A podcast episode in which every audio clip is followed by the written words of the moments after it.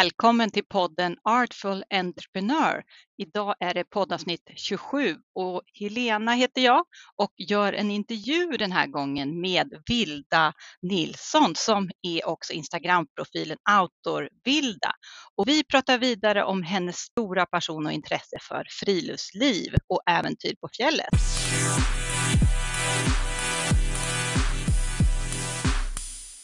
Ja men hej Vilda, outdoor-Vilda som du heter på sociala medier eh, och välkommen till podden Artful Entrepreneur.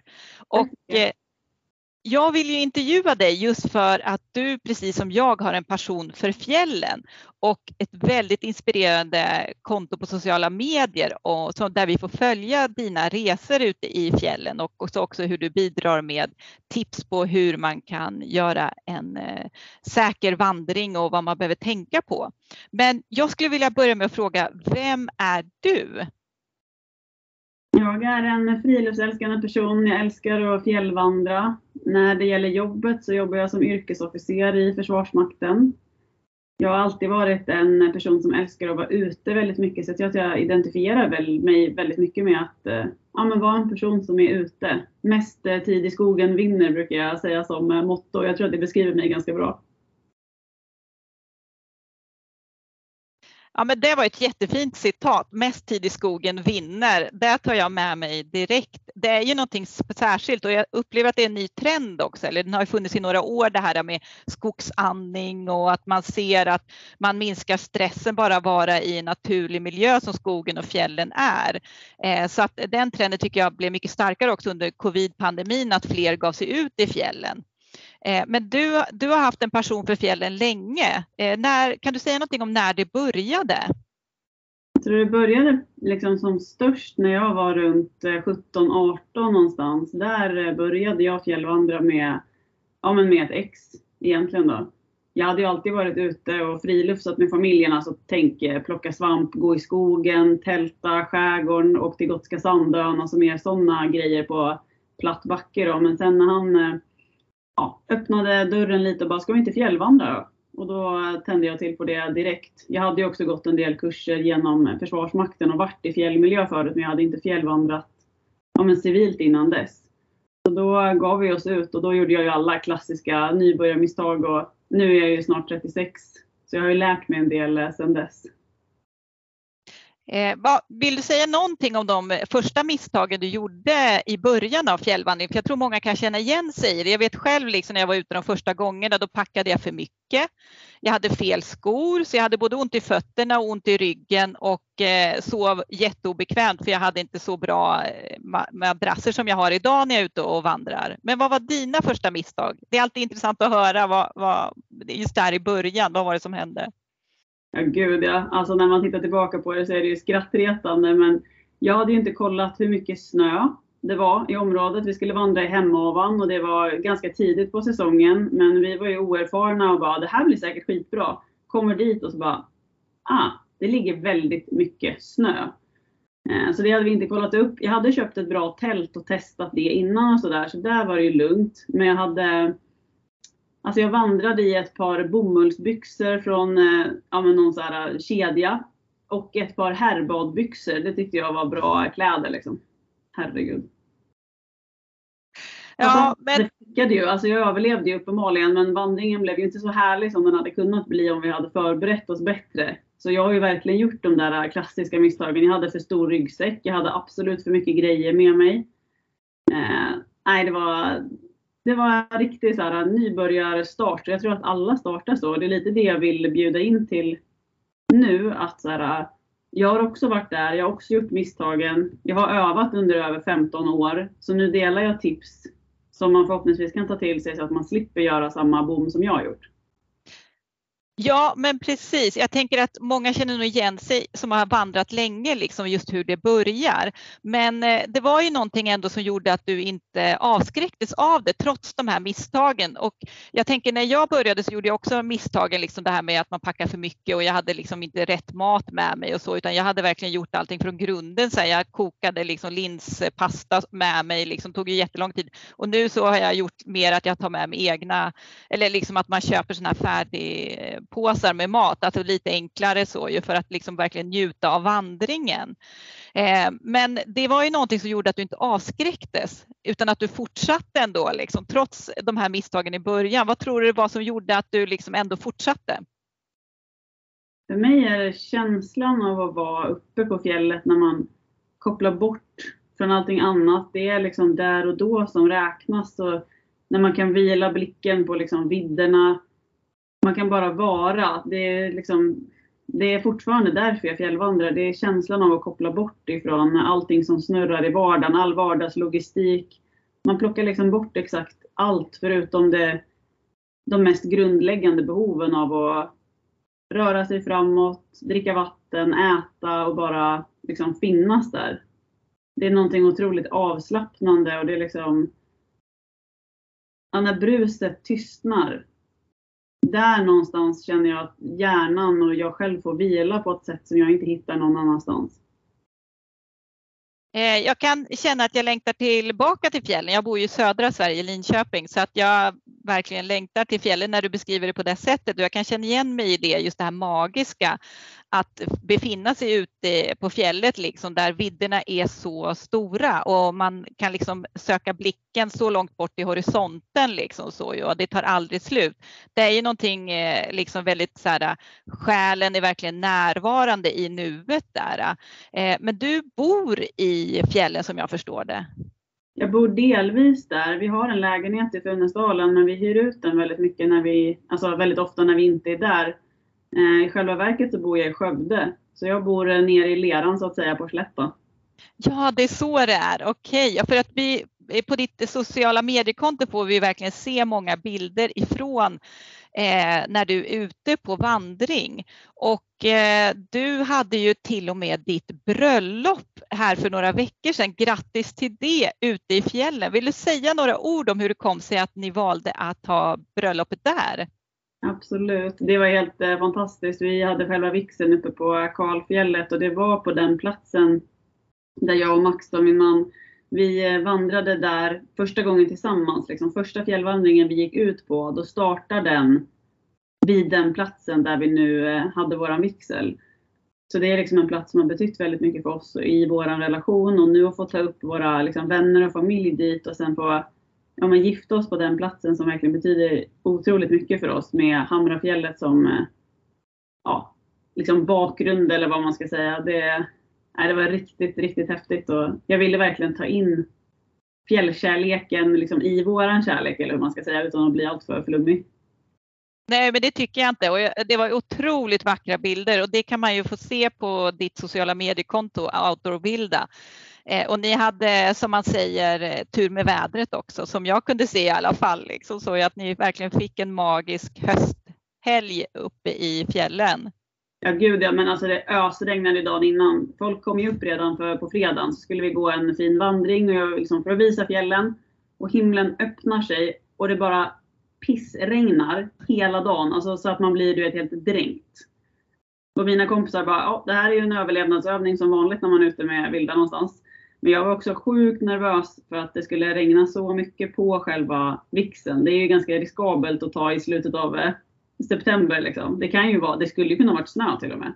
Men i själva verket så var det ju då att eh, solen sken upp så precis när vi gick fram till platsen där vi skulle vigas då, då liksom öppnade sig molnen och så kom solen fram och det sprack upp och det vart helt eh, fantastiskt.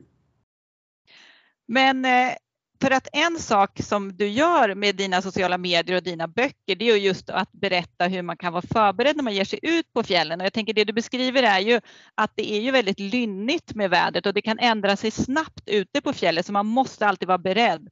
Eh, jag vet när vi har packat inför sommaren, eh, eh, vandringar, så måste man ju ändå ha med sig hela kittet. För det kan vara jättekallt på nätterna, det kan regna hela vandringen, man vet ju inte liksom. Så man måste ha med sig liksom varma kläder, man måste ha med sig regnkläderna och så det är därför också väskan blir tung och man måste vara beredd liksom genom att ha tränat lite innan och så ju.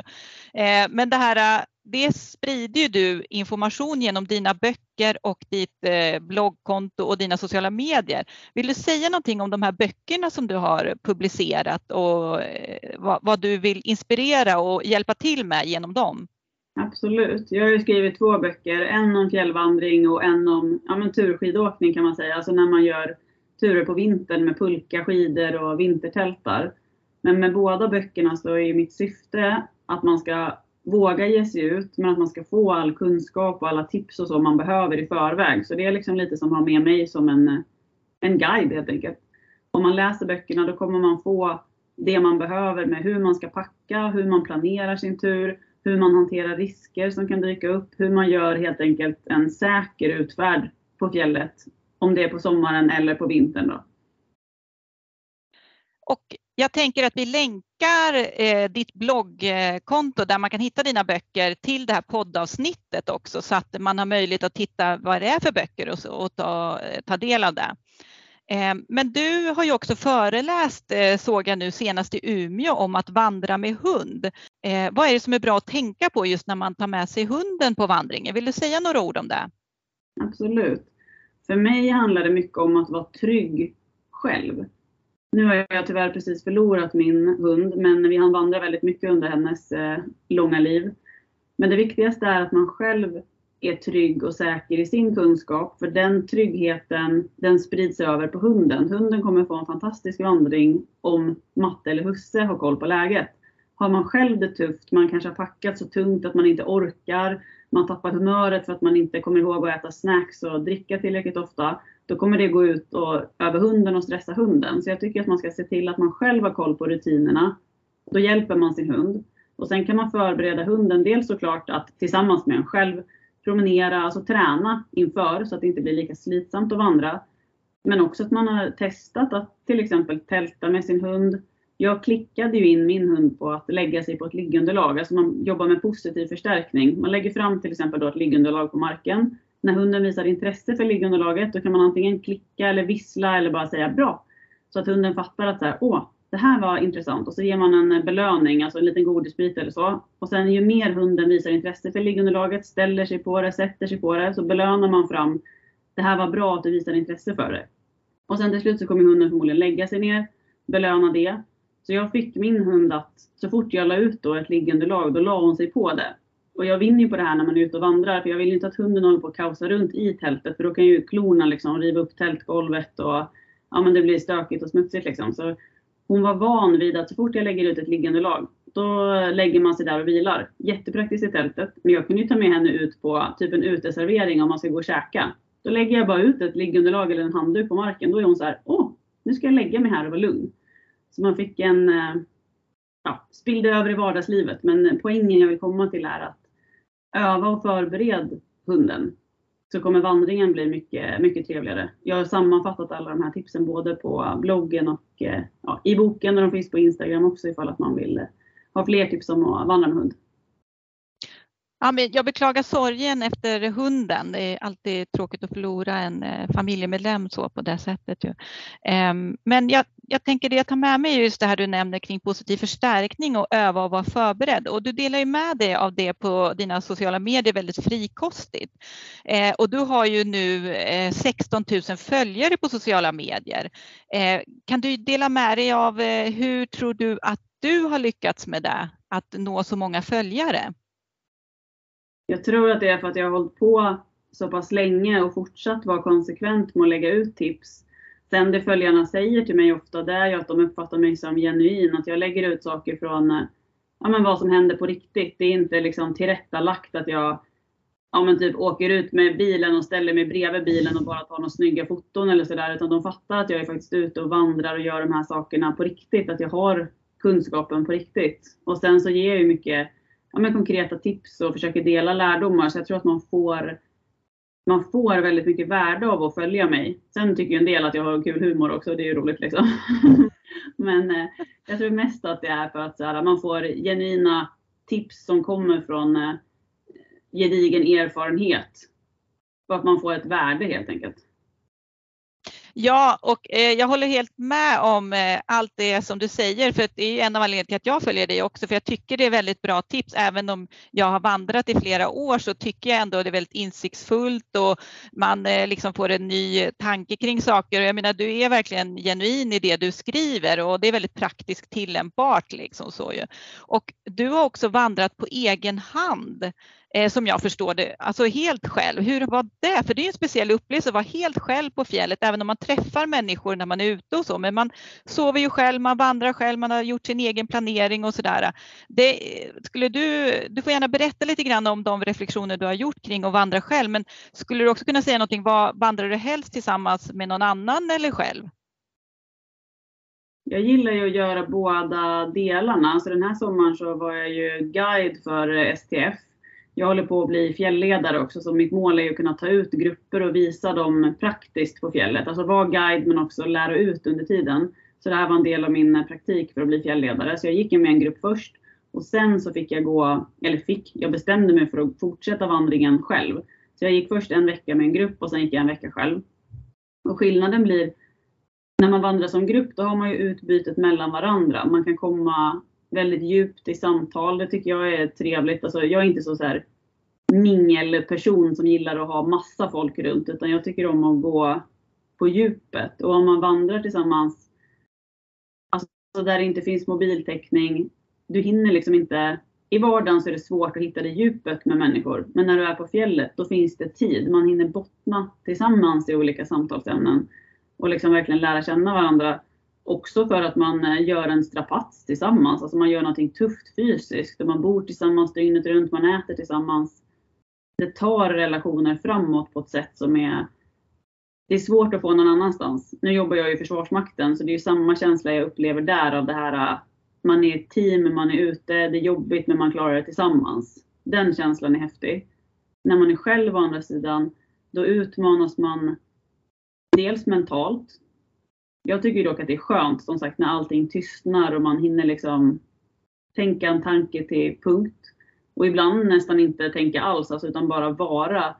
Det är det där med, jag antar att man borde meditera, det är väl också trendigt liksom. Men för mig att gå i fjällen själv i flera dagar, det är lite vad jag tror att människor som mediterar upplever, att man 100% är i nuet. Men det är inte lika tråkigt som att bara sitta still om jag ska vara lite ärlig då. Utan jag gör ändå någonting och det är någonting i hur kroppen tar sig fram steg för steg som det blir väldigt ja, meditativt. Man kan bottna i sina egna tankar och ja, men utmana sig själv. Jag gick ju en del alltså, bortanför lederna så att man får testa sin egen förmåga med karta och kompass och veta då att så här, nu är det ju bara jag här ute så nu får jag ju se till att lösa den här situationen. Jag tycker det är stärkande att klara sånt. Eh, jag kan helt instämma i det. Jag mediterar regelbundet så jag kan helt instämma i den känslan som det är att vara ute på fjället också. En annan sak är också det här, eh, både när jag var ute med min man eller liksom när man har träffat nya människor på fjället, att man får väldigt snabbt kommer man in i ganska djupa samtal. Exakt. Och det är ju som du säger, jag tänker att det är också det här med bruset, att det finns inte där på samma sätt. Så att man kommer ganska nära varandra ganska snabbt. Eh, för det finns ingenting annat som pockar på uppmärksamheten utan man är, precis som du säger, man är där Eh, Eh, och det liksom finns de, alltså det är på något sätt, det öppnar upp på ett helt nytt sätt tycker jag mellan människor också när man är tillsammans. Och samma som du beskriver den här när man är själv, liksom så ja, man klarar någonting på egen hand. Jag känner igen den upplevelsen också för det är ganska utmanande att vara på fjället och vandra i flera dagar i sträck. Och det finns liksom inget annat sätt att ta sig fram utan det är ju bara att vandra på tills man kommer fram till liksom tåget eller vad det är nu man ska ta sig för att ta sig hem. Liksom. Eh, så att eh, väldigt utmanande och det, det, det, det utvecklar en verkligen. Eh, men har du någon inspiratör i friluftslivet som du vill liksom lyfta upp i det här sammanhanget? Alltså dels så tycker jag ju att människor som bara tar sig ut och går en dagstur eller som går en promenad i sitt naturreservat som skriver till mig att så här, nu har jag ingen möjlighet att gå till fjällen av olika skäl. Man kanske har någon sjukdom eller så har man bara ett vardagsliv med småbarn. Och så tar man sig ut ändå. Man tar med en kaffemugg och så tar man en promenad på en halvtimme i närmaste skog. Det tycker jag inspirerar för det visar ju hur viktigt och hur bra det är att få in det lilla friluftslivet. Jag pratar mycket om vardagsäventyr eller närventyr, nära äventyr. Så jag tycker det är väldigt inspirerande att folk, det behöver inte vara så himla svårt utan ta på dig dina skor och gå ut. Det är liksom något jag dels vill lyfta till andra men också inspireras av själv när man ser att folk tar vara på möjligheterna i vardagen. Sen större förebilder finns ju till exempel Lars Fält som grundade Försvarsmaktens överlevnadsskola. Han har ju varit en inspiratör för mig i många år. Han pratar ju också mycket om vikten av att vara förberedd och liksom träna och använda de här grundläggande förmågorna. Att vara duktig på karta och kompass, att klä sig enligt eh, lager på lager principen. Att göra, man kan göra väldigt mycket med ganska basic utrustning. Det handlar liksom inte om att ha den senaste jackan eller så, utan det handlar om hur man använder utrustningen och vilka ja, metoder och som man tillämpar. Och där tycker jag att det är att han har varit inspirerande eh, länge. Då. Ja, men jättetack för det tipset. Eh, och du, inför framtiden här så har vi också kunnat följa sociala medier precis som du beskrev här att du vill bli fjällledare och håller på att utbilda dig till det och vill ta ut grupper på egen hand och så precis som du övade på i somras. Men du har också, såg jag, för att det är ett liknande intresse som jag har på sikt också att gå gröna bandet. Men mina barn behöver bli lite större innan jag kan ge mig iväg. Som jag har sett det i alla fall två månader tar det att genomföra det. Men berätta, vad är gröna bandet och varför vill du göra det? Gröna bandet handlar om att vandra genom hela den svenska eh, fjällkedjan. Man går från Grövelsjön och sen upp till Treriksröset. Så det är ungefär 130 mil. Man får välja sträckan själv, men kring 130 brukar det landa på. Och det är ju väldigt många som redan har genomfört det här, så det är, ingen, det är inget unikt på något sätt, utan det är bara sök på Gröna bandet på Instagram så hittar man väldigt många olika vandrare som har gjort det. Men jag skulle vilja prova och se vad som händer med en när man är ute så många dagar i sträck. För där handlar det om att man vandrar i liksom två månader i sträck kontra två veckor. Vad händer i huvudet på en när man gör en sån lång vandring? Det skulle jag vilja uppleva. Ja, men spännande. Eh, funderar du på att göra det redan nästa år eller är det på längre sikt du tänker dig? Jag skulle gärna vilja göra det nästa år. Men som sagt, jag jobbar i Försvarsmakten och vi har ju ett allvarligt säkerhetspolitiskt läge i Europa i vårt närområde som eh, gör att vi jobbar väldigt mycket just nu. Det gör vi i och för sig alltid i försvaret men eh, det är lite svårt just nu att förutsäga vad som kommer hända. Vad händer med NATO? Hur påverkar det mitt jobb? Vad innebär det? Jag vet inte nu hur mycket ledigt jag kommer ha. Så jag törs liksom inte säga något tidsbestämt mål för vi vet inte än vilka, till exempel övningar vi ska vara med på och liknande. Precis. Vill du säga någonting mer om dina framtidsplaner när det gäller friluftsliv? Alltså jag vill ju fortsätta att göra längre och längre turer. Nu kommer ju vintern först så ser jag jättemycket fram emot att vara ute och vintertälta. Det är också någonting som jag älskar att dela med mig av och få folk som kanske inte har vågat tälta i snö och testa det för första gången. Det tycker jag är skitkul när folk skriver till mig efteråt att nu har jag vågat eh, prova. Det är skitkul. Och nu jobbar jag också tillsammans med Jack Wolfskin. De eh, sponsrar mig. Eh, vi har ett samarbete som är långtgående så förhoppningsvis så ska jag kunna göra några äventyr eh, tillsammans med deras eh, team. Och ja, men helt enkelt ta med människor ut i, i fjällvärlden. Det är nog mitt främsta mål framåt, både på vintern och på sommaren. Men först måste jag bli klar och examinerad fjällledare. Då.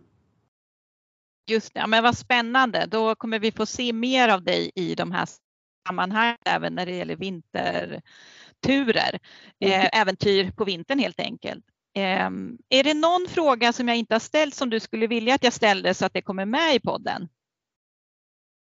Kanske inte kommer på någon direkt fråga men eh, jag vet inte, jag tänker, lite, jag tänker väldigt mycket på det här med att vara förberedd för eventuella kriser som till exempel strömavbrott eller vad annat som kan hända och att om man är en fjällvandrare och förbereder sig för fjällvandring, har utrustning för att fjällvandra, då har man en väldigt bra hemberedskap redan som det är. Men jag skulle vilja uppmana alla att bara se över sin eh, krislåda hemma och Kanske gå en första hjälpen-kurs. Det är oftast när jag har använt kunskapen om första hjälpen, det har varit ute i det vanliga, alltså i vanliga i vardagen. När en eh, farbror ramlade och slog huvudet, bakhuvudet i en trottoarkant så det bara sprutblöder, då är det ganska skönt att veta att man har första hjälpen-kittet i handväskan och så kunde jag lägga ett första förband och ringa ambulans. Så jag skulle bara vilja trycka lite på den här vardagsförberedelserna och att eh, skaffa sig kunskap så att man kan hantera situationer oavsett vilka situationer som dyker upp och om de är på fjället eller om de är eh, hemma i vardagen. Ja, men jättebra medskick att se över sin krislåda hemma och är man fjällvandrare så har man oftast mycket grejer hemma, precis som du säger stormkök och men se till att fylla sina vattenflaskor och så så att man har det redo liksom om någonting händer.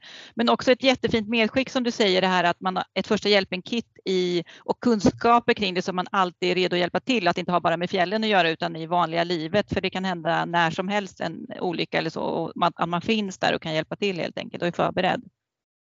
Precis så. Och det finns ju möjlighet att till exempel via hjärt-lungrådet så kan man gå eh, HLR-kurser, alltså digitala HLR-kurser, repetera kunskapen. Så, ja, så att vi kan hjälpa varandra helt enkelt, både i vardagen och i händelse av eh, kriser. Absolut, och till det här poddavsnittet kan vi länka även till eh, dem så att man eh, har en möjlighet att själv gå in och eh, anmäla sig och se hur man kan eh, bidra. Jättebra tips. Men jättetack eh, Vilda att du ville vara med i det här avsnittet och tack för dina medskick och hur vi, man ska tänka kring när man just vandrar i fjällen och en eh, stor inspirationskälla till mig är du och till många andra så att eh, det ska bli jätteroligt att fortsätta följa dig via sociala medier. Tack så mycket för att du medverkar. Tack så mycket.